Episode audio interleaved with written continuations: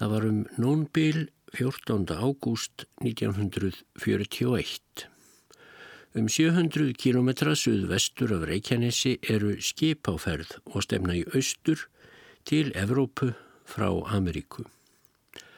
Skipin eru korki meirinni minna en 79 talsins og sigla þétt saman.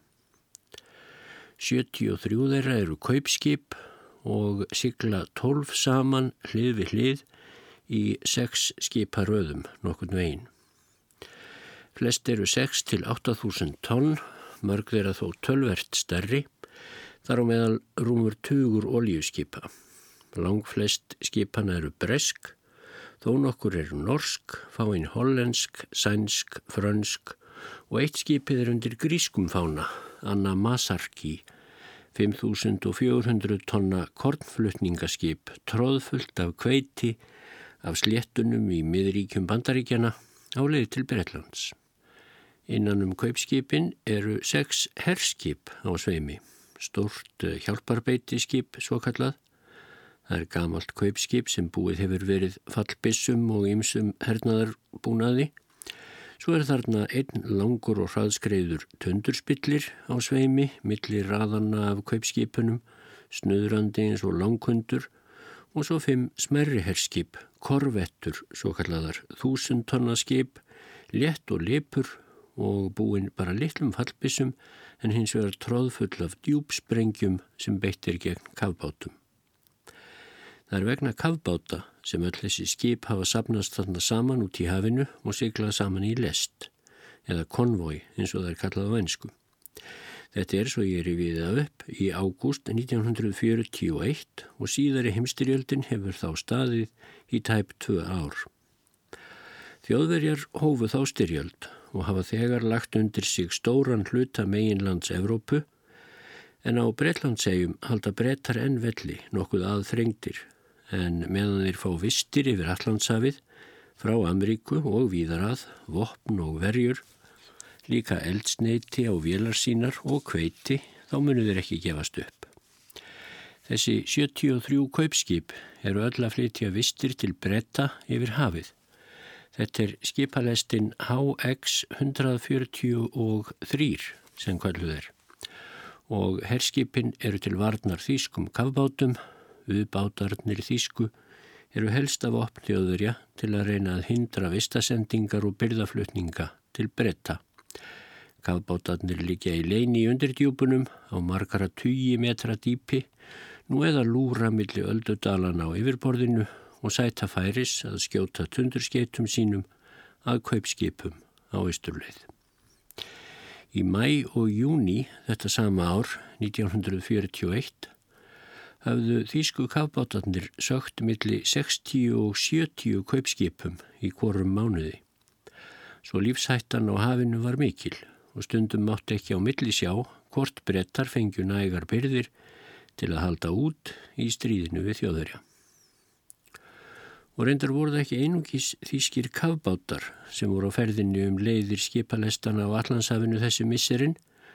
Undanfarið hafðu ofansjávar herskip þjóðverja stór og öflug beitiskip og beinlýnis tröllaukinn orustuskip með rísastórar fallbissur. Þau höfðu íðurlega brotist út á Allandshafið og gert þar stóran skada og sögt mörgum skipum.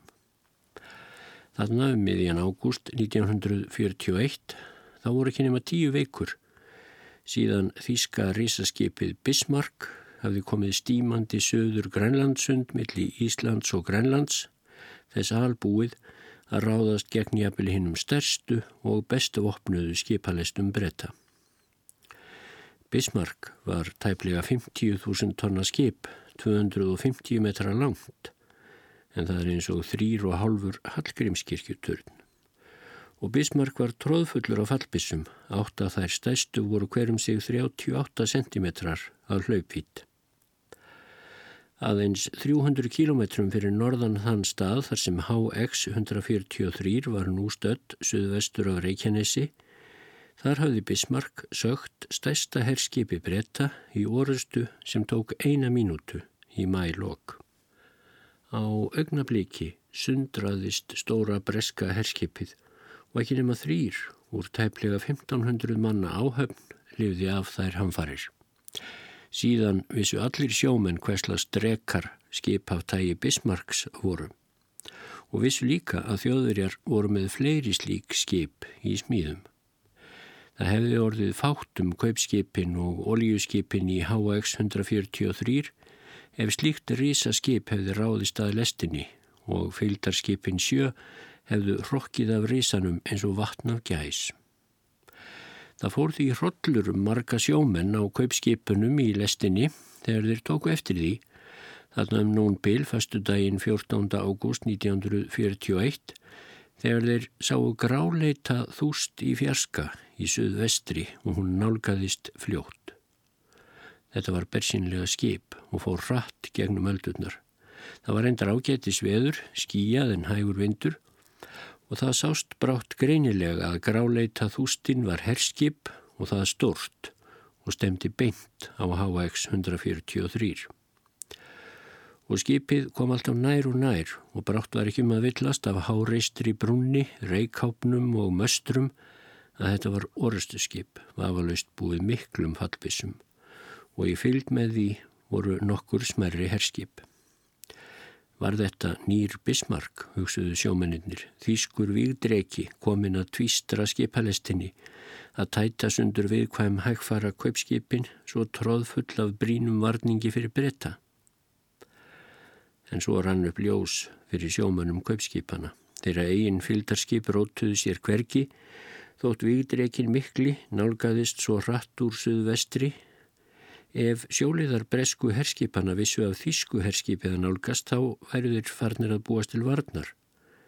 En þetta hlauti að vera brest orustu skip sem þandi sig þarna gegnum undirölduna sem einlegt er á Reykjanesrygg, jável svo langt var á landi.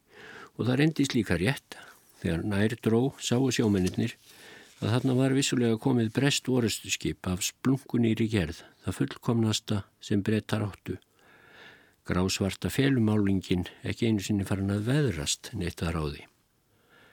Sjómennir förðuðu sig svolítið á því að breska skipið skildi stefna beint á skipalestina og raunar búast til þess að sigla inn á milli hinn að mörgur raða af kaupskipum, oljuskipum, kornflutningaskipum.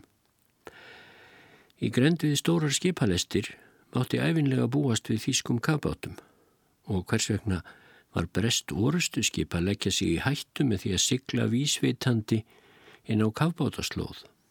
Förðulegt hugsuðu þeir sjómaninnir en nú rendi orustu skipið inn í skipalestinu og brunaði gegnum hann á fullri ferð. Glæsilegt skip hugsuðu sjómaninnir. En þá sáðu þeir allt í einu að fánar voru dregnir upp á orustu skipinu, merkjafánar, bersinilega með einhverjum skilabóðum til óbreyttu sjómananna á kaupskipunum. Og þeir sem kunnu að lesa í svona fána, þeir skildu strax ótrúleg skilabóðin og tólkuðu þau fyrir félaga sína.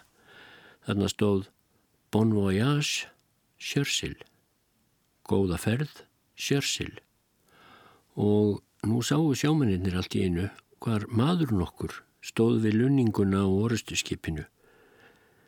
Hann var greinilega lávaksinn, riðvaksinn með húfu og höfði sem hann tók nú af sér og veifaði til þeirra. Já, sveimir þá Þeir þekktu að hann var komin engin annar en Winston Churchill, forsætisar á þeirra breyta, holdgerfingur og tákn andstöðu þeirra og svo margara annara þjóða við grimdarvald nazismans í Þýskalandi. Þarna stóð sjálfur Churchill lengst út í hafinu við lunninguna á orustu skipi og veifaði til sjómananna í HX 143. Góða ferð Bon Voyage, Sjörssil. Og nú rifjaðist upp fyrir sjómanunum það sem þeir hafðu heilt í radíóinu daginn áður. Fréttum að Winston Churchill hefði verið á fundi með Roosevelt bandaríkjaforsetta.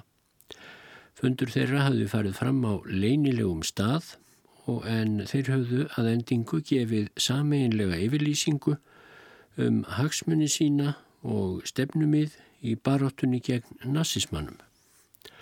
Rósveld bandaríkjaforsetti treysti sér ekki alveg enþá til að hella sér í stríðið við Hitler en hann langaði þó greinilega til að gera það og ekki virtist nýfurinn hafa gengið milli Sjörsils og Rósvelds á þessum fundi.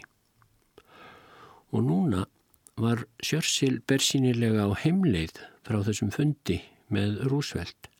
Þess vegna stóðan hann á lunninguna á orustuskipinu og veifaði og nánast áhyggjulegs til sjómananna á HX 143 og þeir svörðu með hurrarópum sem þeir vonuðu að Sjörssil hyrði og skipin þeittu einpípur sínar sem ákavast í áttað orustu skipinu sem brunaði gegnum raðir þeirra.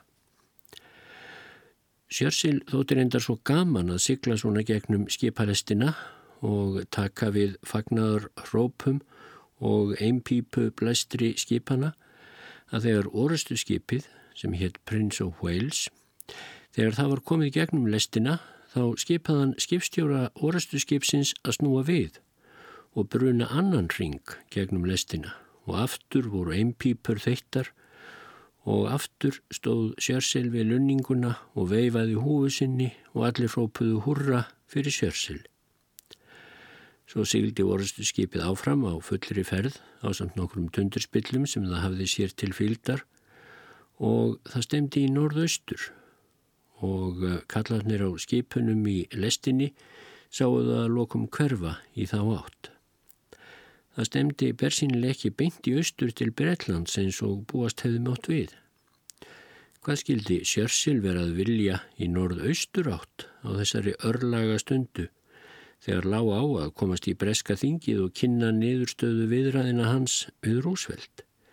Í norð-austri var ekkert, já nema Ísland og svo vill til að þangað var ferð Sjörsels einmitt heitið og frá því ætla ég að segja í þessum þætti og stiðst við æfiminningar lífvarðar Sjörsels, lögreglu og leini þjónustumannsins Thompsons og svo lítilega við minningar Sjörsels sjálfs frá Íslandsferðinni í ágúst 1941.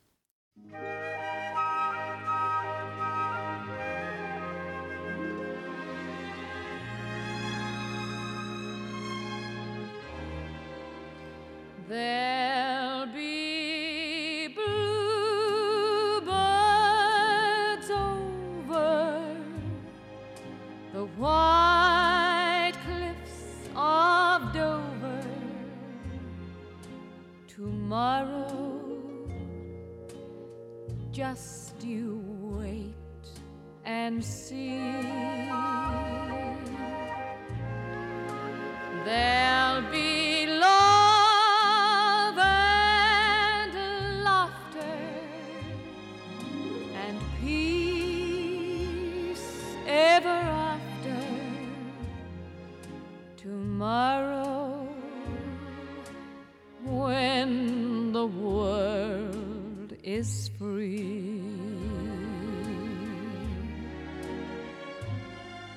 The shepherd will tend his sheep.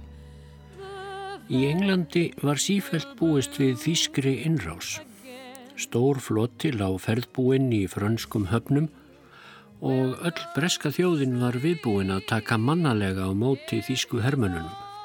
En Sjörssil áleitt að meiri líkur væru til þess að þýsk skyndi einrás yrði gerð á Rúsland og hann aðvaraði Stalin áður en þjóðverjar fóru að færa lið sitt í austurátt árið 1941. Hinn 22. júni 1941 óðu þjóðverjar svenn í Rúsland og Sjörssil talaði í útvarp frá Tjekkers. Þungamiðjan í ræðu hans var þetta, nú erum við ekki lengur einir og þessi orð jöku þjóðin í kjark. Okkur fannst við vera sterkari og betur bærir undir næstu lotu. Og annan ágúst 1941 þá gerðist merkur atbörður.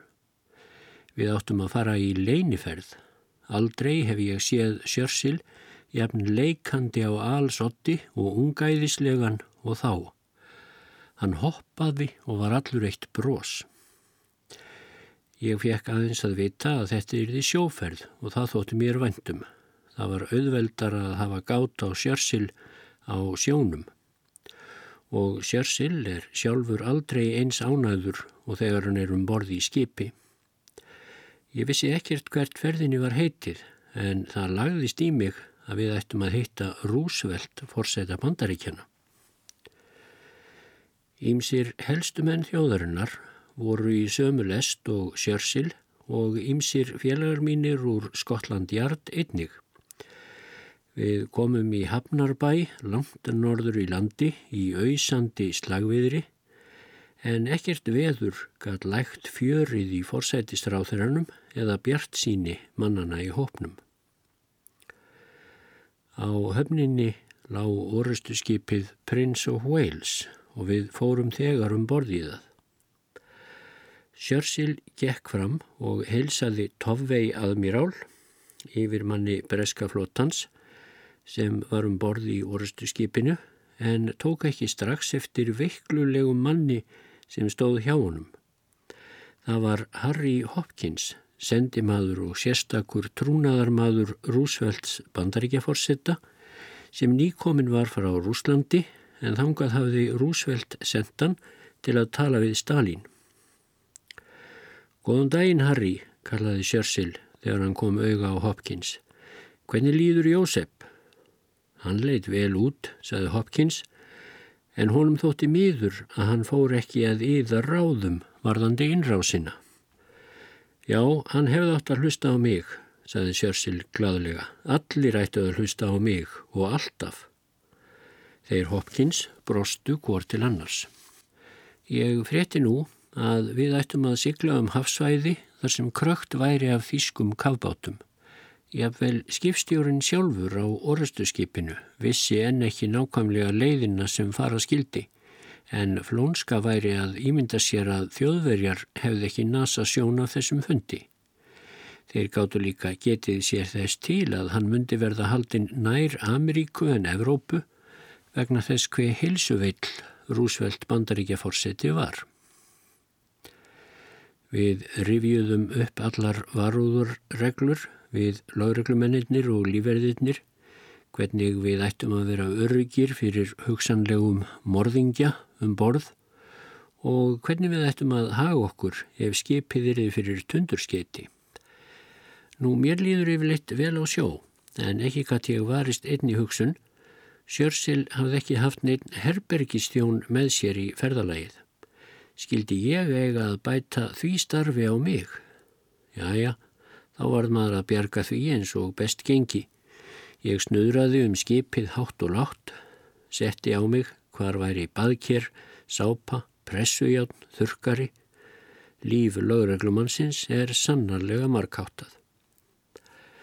En ég gata minnstakosti látið sem ég væri þýðingar mikill maður Ég held óviðkomandi mönnum burtu frá forsætistráþurannum um borði í skipinu. Ég svaraði öllum þeim sem spurðu að ég hefði enga hugmyndum hvert ferðinu væri heitið, hvern við ættum að hitta eða um hvað ætti að semja. Og um leið leiti ég spekingsleg upp í loftið eins og ég væri þrátt fyrir allt með alla ferða áætlunina í vasanum. Það var tekið eftir mér þarna um borð og ég fekk ágætt viðurværi en það var of oft er ég satt í liðsfóringaskálanum að ég heyrði leiðinlega rödd segja í háttalaranum Thompson fulltrúi á að fara í þóttahúsið og sækja skýrtur handa forsættisráþuranum og þá var ég að snætast af stað og allir liðsfóringjarnir voru vittni að því hver auðmíktur ég var og höfðu menn gaman af. Annað kvöld ferðarinnar eftir að við lögðum á stað Þá tilkynnti kaftinninn á Prince of Wales að við ættum að fara til Nýfundnalands. Það var auðséð að Sjörssil hlakkaði til þess sem koma skildi en hann varaðist að láta upp í það sem honum bjó í brjósti en hann var kátur og söng mikið. Sem betur fór var ómikill sjógangur til þess að hann geti málað en hann fór oft í bað og nöyð þess vel. Sjörssil var alltaf eins og selur í vatni hvort heldur það var salt eða ósalt. Þegar við höfum verið nokkra daga á sjónum fór hann að kvílast. Hann las meira segja heila bók en það gerir hann sjaldan. Sjörssil skrifar bækur en les þær helst ekki. Gott veður helst nokkra daga en svo kom þókubræla. Skipið var allt upplýst. Ég var komin upp á þilfar klukkan 6 og fór inn til Sjörsils.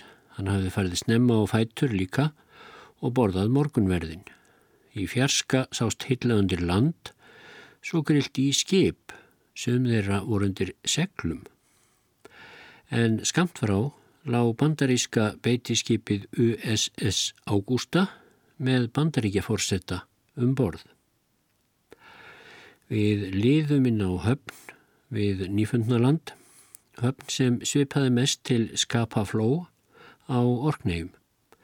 Kringum okkur var mikill fjöldi stórra og smarra skipa úr amríska flotanum. Winston horfi dolfallin á fallbisurnar.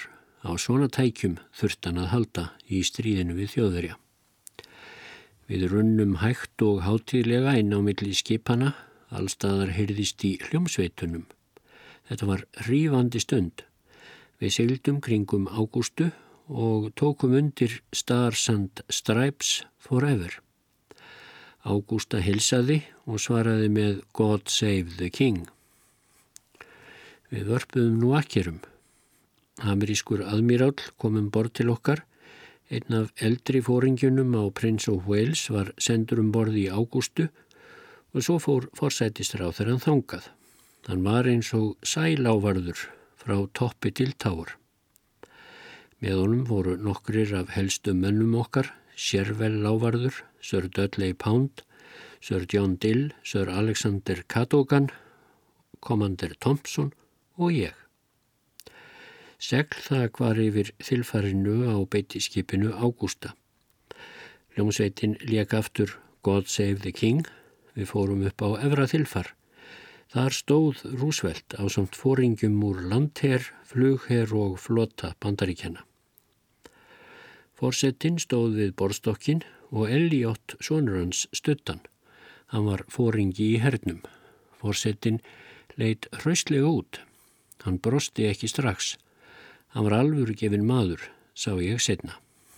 Winston Churchill gekk fram og fórsetin hilsaði honum innilega. Þá hittumst við loksins, saði Churchill. Roosevelt kingaði kolli. Raunin var sá að þeir höfðu hist einu sinni áður. Það var árið 1918 þegar Churchill var einn af aðstumannum í ríkistjórn Bretta en Roosevelt var fremur láttsettur maður í ameríska flottamála ráðunettinu. Og þá heitust þeir á einhverjum fundi eða við kvöldverð og Sjörssil myndi greinilega ekkert eftir þeim fundi. Roosevelt saði hins vegar frá honum síðar að honum hefði ekkert litist á Sjörssil, hann hefði verið svo hrókafullur. En nú vottaði ekki fyrir hróka í fari Kóruks. Þeir tókust fast í hendur. Sjörssil rétt honum bref frá breytakonungi. Þegar aðmýralsbáturinn fór aftur með Sjörssil þá gerðan vaffmerkið, sigurmerkið, en ameríska liðið stóði í röð við borstokkin. Síðar um daginn átti Sjörsils og að borða hátegisverð með forsettanum, bara þeir tveir einir. Forsætisráþarann kom svo aftur um miðnætti Hann var þögull og hugsandi og enginn dyrðist að ávarpan. Sunnudaginn eftir var fagur dveður, lign sjór, skipin lágu kyrr og háttíðarbragur var á öllu. Við byggumst nú við Rósveld forsetta um borði Prince of Wales. Hann gætt komið þá og þegar. Klukkan 10.30 lagðist amerískur tundurspillir við hliðina á ágústu og nú kom fórsetin, tveir sínir hans og margt stórmenni yfir til okkar. Rúsveld var um borð til klukkan 15 og þegar hann fór var andlit Sjörsils jafn ódreiknanlegt og áður. Hafði eitthvað lagast. Hafði Sjörsil fengið því ágengt að Rúsveld lísti yfir afdráttarlausum stöðningi við málstað bandamanna í stríðinu en það var að sjálfsögðu ætlan hans. Ekki var það ljóst ennþá, en svo var farið í land, Sjörsel fór í göngufödd, við fórum sex í þessa ferð og undir eins og komið var í land þá varð Sjörsel eins og nýr maður, nú nautan sín til fulls. Í meira en heilt ár hafði Sjörsel orðið að þóla hver vonbregðin öðrum verri í stríðinu og fengið þingri áföll en nokkur annar maður en nú var því líkast sem hann hefði afskrifað allt slíkt. Við gengum upp á hæð og Sjörssil var rókur alls fagnadar og sagði sögur. Honum hafði létt, hann eigði leið út úr ógöngunum. Þegar við komum aftur um borð í Prince of Wales ringdi yfir mig spurningunum hvenar ætla bandaríkjaman að skilja að við þólum þetta ekki til lengdar fer Amerika með okkur í stríðið eða höfum við farið fíluferð hingað. Geta þessir Amerikanar gert sér ljóst að stríðið færist sífælt nær þeirra eigin dýrum. En hvað mikið vissi ég sem leifilegt var að segja frá? Um kvöldið mötuðist þeir aftur einir, Forsettin, Brúsveld og Sjörsel. Ég held mig á næstu grösum, en engin leið var til að ráða neitt af sveip Sjörsels. Jável þótt hann hefði góðar fréttir þá urraðan verð en að vanda, líklega til að vekja engar tálvonir.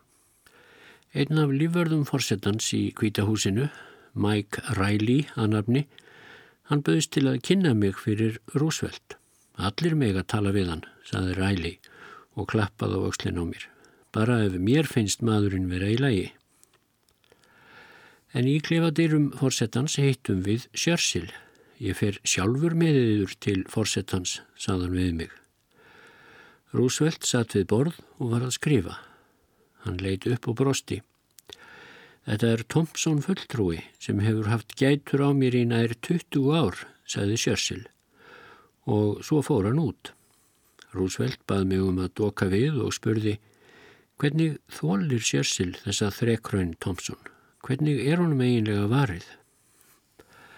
Hann hefur ótrúlega mikið þól, herrafórsetti, sagði ég, og ágætt vinnulag, en svo tekur hann sér kvíld reglulega. Gott, sjáuðum að hann haldi því áfram. Ég geri það líka, sagði Rúsveld. Sefur hann vel á nóttunni? Já, þegar hann loksins háttar, þá sefur hann eins og steinn, sagði ég. Það er mikil svirði, sagði Rúsveld. Ég vandi mig á það fyrir mörgum árum. Það er mikil svirði fyrir þá sem hafa mikið að gera. Rósveld reykti nú hugsandi um stund og horði á mig eins og hann reyndi að gera sér grein fyrir hver sterkur hann væri þessi fulltrúi sem átti að vera milli sjörsils og allrar þeirrar hættu sem stedi að gata aðunum hvenar sem væri. Er erfitt að fást við hann? spurðan loks.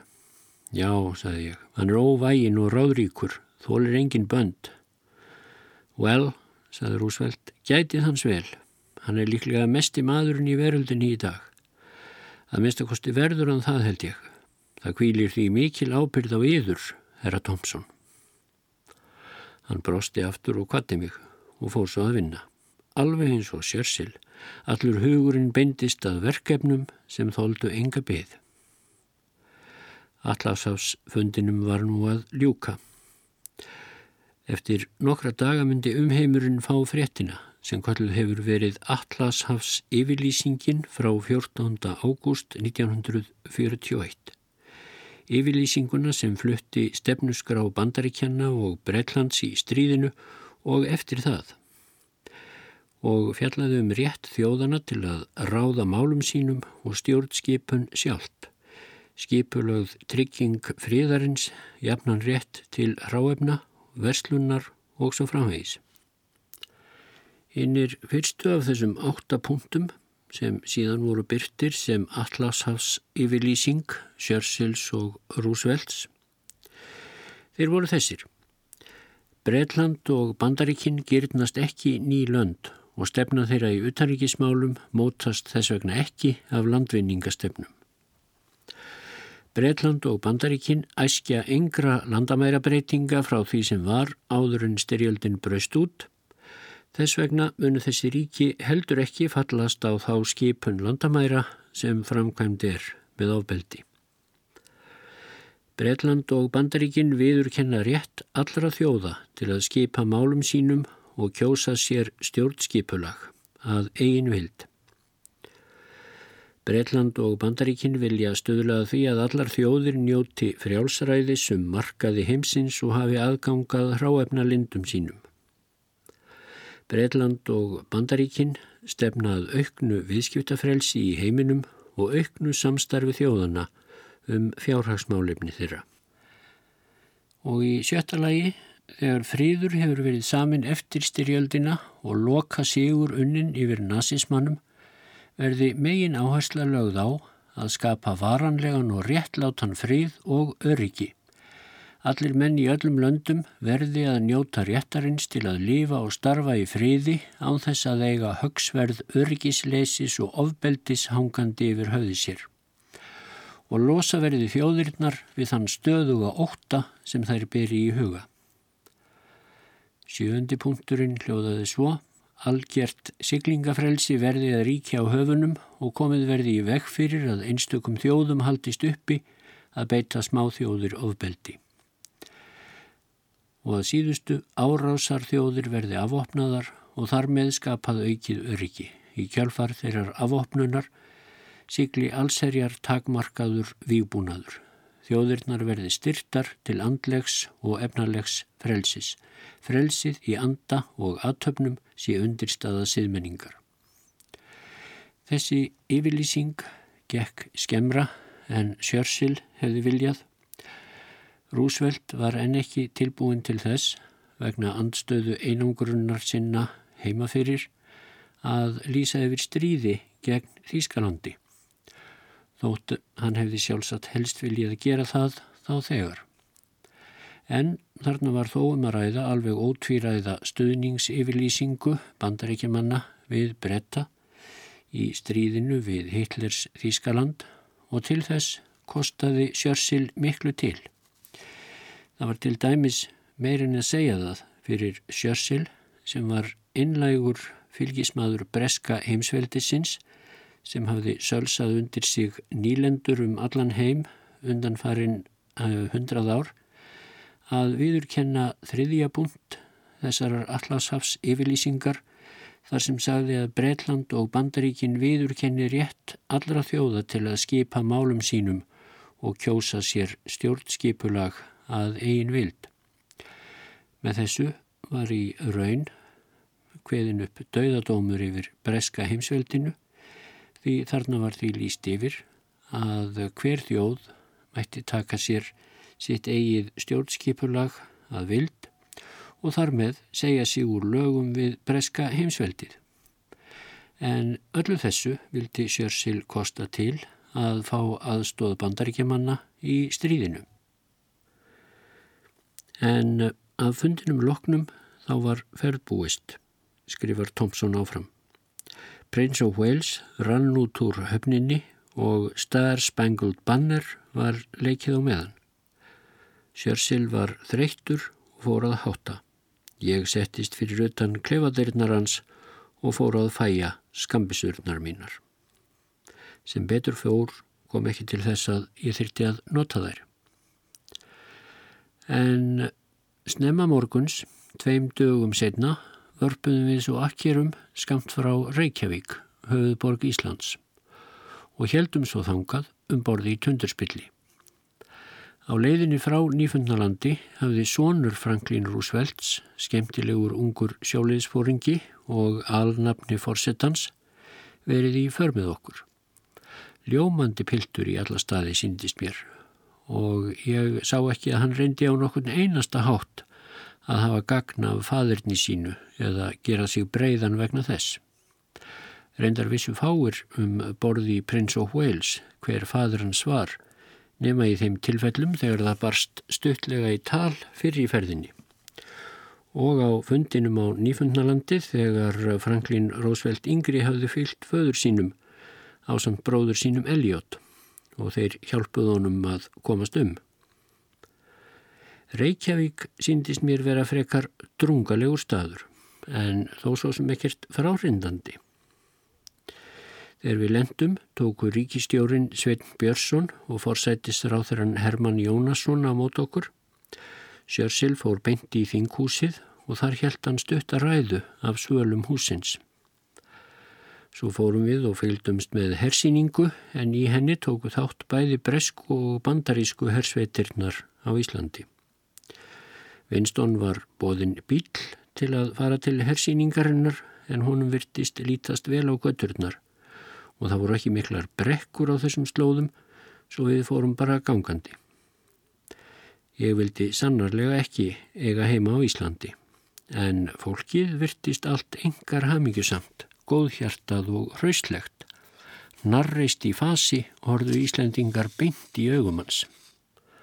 Sjörsil sjálfur segir frá Íslands heimsókn sinni í þriðja bindi heimstyrjaldar sögu sinnar en eh, af einhverjum ástæðum þá getur hann þar ekki um siglinguna gegnum skipalestina sem hann hafið þó svo gaman af. Hann segir aðeins, siglingin til Íslands var tíðundarlaus þótt einu sinni yrðum við að breyta um stefnu eftir að tilkynnt hafi verið að kavbátar væru í grendinni. Á þessum legg leiðarinnar fylgdu okkur tveir bandarískir tundurspillar og um borði í öðrum þeirra var sjóliðin Franklin Roosevelt yngri sonur fórsettans. Prins og Wales kom svo til eigarinnar að morgni laugardagsins 16. Eh, ágúst og varpaði akkerum í bresku flottastöðin í Kvalfyrði og við fórum svo til Reykjavíkur með tundurspilli. Þegar við komum þangað var ég bóðin velkomin á einstaklega hlýjan og kröftugan hátt af miklum mannfjölda og raunar kváðu við vinalegar kveðjur frá fólkinu hvar sem við komum við í Reykjavík þennan dag. Sjörsel getur ekki um ræðuna sem hann helt af svölum alþingishúsins en það mun víst mála sannast að uh, það var ekki ein af eftirminnilegustu ræðum þessa mikla ræðu skörungs. Það er að auki þá heyrði fáir ræðuna því það var nokkur vindur, sjörsel á látt rómur og ekkert gjallarhorn var til í húsinu svo það heyrðist lítið til hans. En efni ræðunar var eitthvað á þessa leið. Sjörsel hvað það gleði að sig að hann hefði fengið tækifæri til að heimsækja Ísland og þá þjóð sem svo lengi hefði unnað líðræði og frelsi og sem áttiði mikinn þátt í að halda upp í merki líðræðis í heiminum. Og Sjörssil sagði orð rétt, eða það stóð á minnstakosti á blaðinu sem hann las upp af. Við brettar og síðar bandaríkjaman höfum tekið að okkur að bæja ofriðnum frá þessu landi. En ykkur Íslandingum mun vera það ljóst að ef við hefðum ekki komið hingað, þá hefðu aðrir orðið til þess. Og Sjörssil held áfram. Við munum gera okkar besta til þess að hér vera okkar valdi sem minnstum tröflunum í lífi ykkar Íslendinga en sem stendur er landi ykkar mikilvæg stöð í baráttunni um vernd þjóðréttinda. Eftir að þeirri viðuregn er lokið sem nú stendur yfir þá munum við ásamt með bandarækjumannum sjáum að Ísland fái sitt fullkomna frelsi.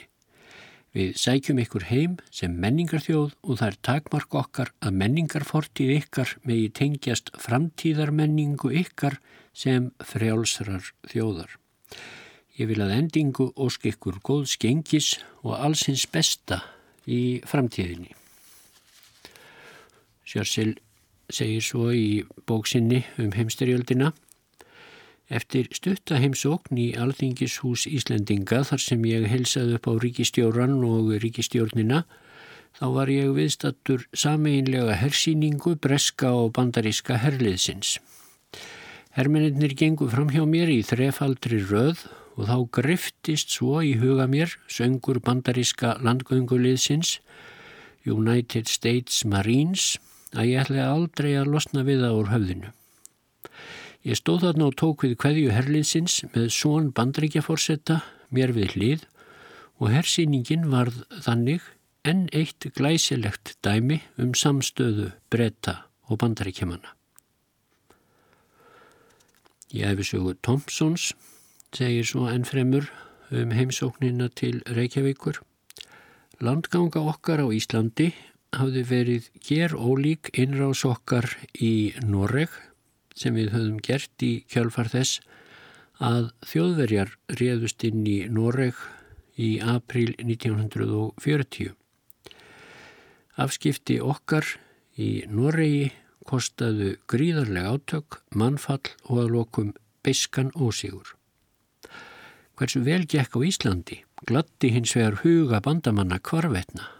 Bandaríkja menn fagnuðu landgöngunni á Íslandi og stuttu eftir að viðlendum þá lögðu bandaríkja menn blessun sína yfir þá aðgerð með því að senda þangað sin eigin liðsafla til að leggja okkur lið. Íslendingum mislíkaði þetta að vísu í fyrstu og Hitler var sífælt að hafa orð á því hvernig stórveldin tvö, Breitland og Bandaríkin hefðu ráðist í saminningu á hérna vesælu þjóð Íslendinga. En bæði landgöngulið okkar og setulið gengu fram af prúðmennsku og hafði það brátt róandi áhrif á íslensku þjóðina. Ég sá það nú sjálfur þegar ég var komin til Reykjavíkur að Íslendingar hafðu ekki mikla áþján af herliðinu og reyndar virtist bara að fara ljómandi vel á með heimamönnum og öllum hinnum útlensku hermönnum. Öll hergangan sem Sjörssil var viðstattur virtist næri tveir kílometrar að lengt og hver einasti dáti gekk fram hjá Vinstón, hann tók hverju hermannanna undir blaktandi fánum allra viðstattra þjóða. Og Sjörssil sjálfur helt áfram frásögn sinni af Reykjavíkur heimsókninni. Á eftir höfðum við tíma til að líta á flugvellina sem við vorum að leggja í Reykjavík og líka til að heimsækja þá dásamlegu heitu hveri og gróðurhús sem eru hituð upp með þeim. Mér dætt strax í hug að einnig mætti nota jarðhittan í þessum hverum til að hita upp sjálfa borgina og reyndi að koma þessari hugmynda á framfæri jafnvel í miðju stríðinu. Ég er ánaður með að mér skilst að nú hafi þessu verið reyndi framkvæmda. Ég hlýtt að skjóta því hér að að þessi kapli í styrjaldarsögu Sjörsils þar sem hann egnar sér hugmyndina að hitaveitu á Íslandi hefur löngum vakið gleði í Íslandinga en það fór því vitaskuld fjarrri að engum hefði dottið þetta í hug fyrir en Sjörsil þarna 1941. Sannleikurinn var sá að einmitt meðan Sjörssil stóð við þá voru götur Reykjavíkur víða sundur grafnar einmitt af því þar var verið að koma fyrir hitaveitu rörum. Svo hugmyndin var löngufætt og þegar byrjaða rindin í framkvæmt. Thompson skrifar svo áfram þegar við fórum á bíl niður að bryggjunni tæpan kílometra í burtu Þá hafði mikill mannfjöldi sapnast saman til þess að veifa til Vinstons. Hann reyfst af velvild fólksins og glattist mjög yfir þessu öllu saman. Nokkur börn gengur til hans, þar á meðal svo litið stúlkubarn með blómvönd sem var stærri en hún sjálf. Vinstón tók við blómunum með breyðu brosi og neyði sig mjög djúft og virðulega. Og svo rétt hann mér þennan ræðilega vönd. Brátt lögðum við í hann á ný. Ótrúleg fagnaðaróp hvaðu við af bryggjunni þar sem fólkið hafði sapnast saman. Og Vinstón sjálfur skrifar um þau fagnaðarlæti sem urðu þegar hann kvatti. Nú urðu hverjur Íslendinga enn hlýlegri en nokkru sinni fyrir. Brast á með svo miklu lofaklappi og þvílíkum fagnaðarlátum að mér var sagt að annað eins hefði sjaldan heyrst á göttum Reykjavíkur. Og það eru þetta skemmtilegt til þess að vita að þrátt fyrir að Winston Churchill ætti þá í miðri heimstyrjöld og hefði mörgu að sinna, þá þurfti ekki meira til að gleðjan en að fagnaðróp og lofaklapp hvæðu við honum til heiðurs við höfnina í Reykjavík. Thompson segir svo um ferðina frá Reykjavík. Áhafnir allara skipa í höfninni hafðu raðað sér á borstokkin og upp í möstur og reyða og kvalbakkið og bara út um allt, svo allir fengjur litið sjörsel. og hann sjálfur skrifaði Þegar við komum aftur í Kvalfjörð fór ég í heimsókn um borði í orustuskipið Ramiljes sem þar lág og ávarpaði hluta af þeim bresku og bandarísku sjóliðum sem höfðu aðsettur þarna í fyrðinum, meðal annars af tundurspillinum Heklu og Sjörsil. Þegar dimma fór eftir þennan langa og afar þreytandi dag þá sildum við svo af stað til skapaflóa og náðum þangað án þess að til tíðinda drægi.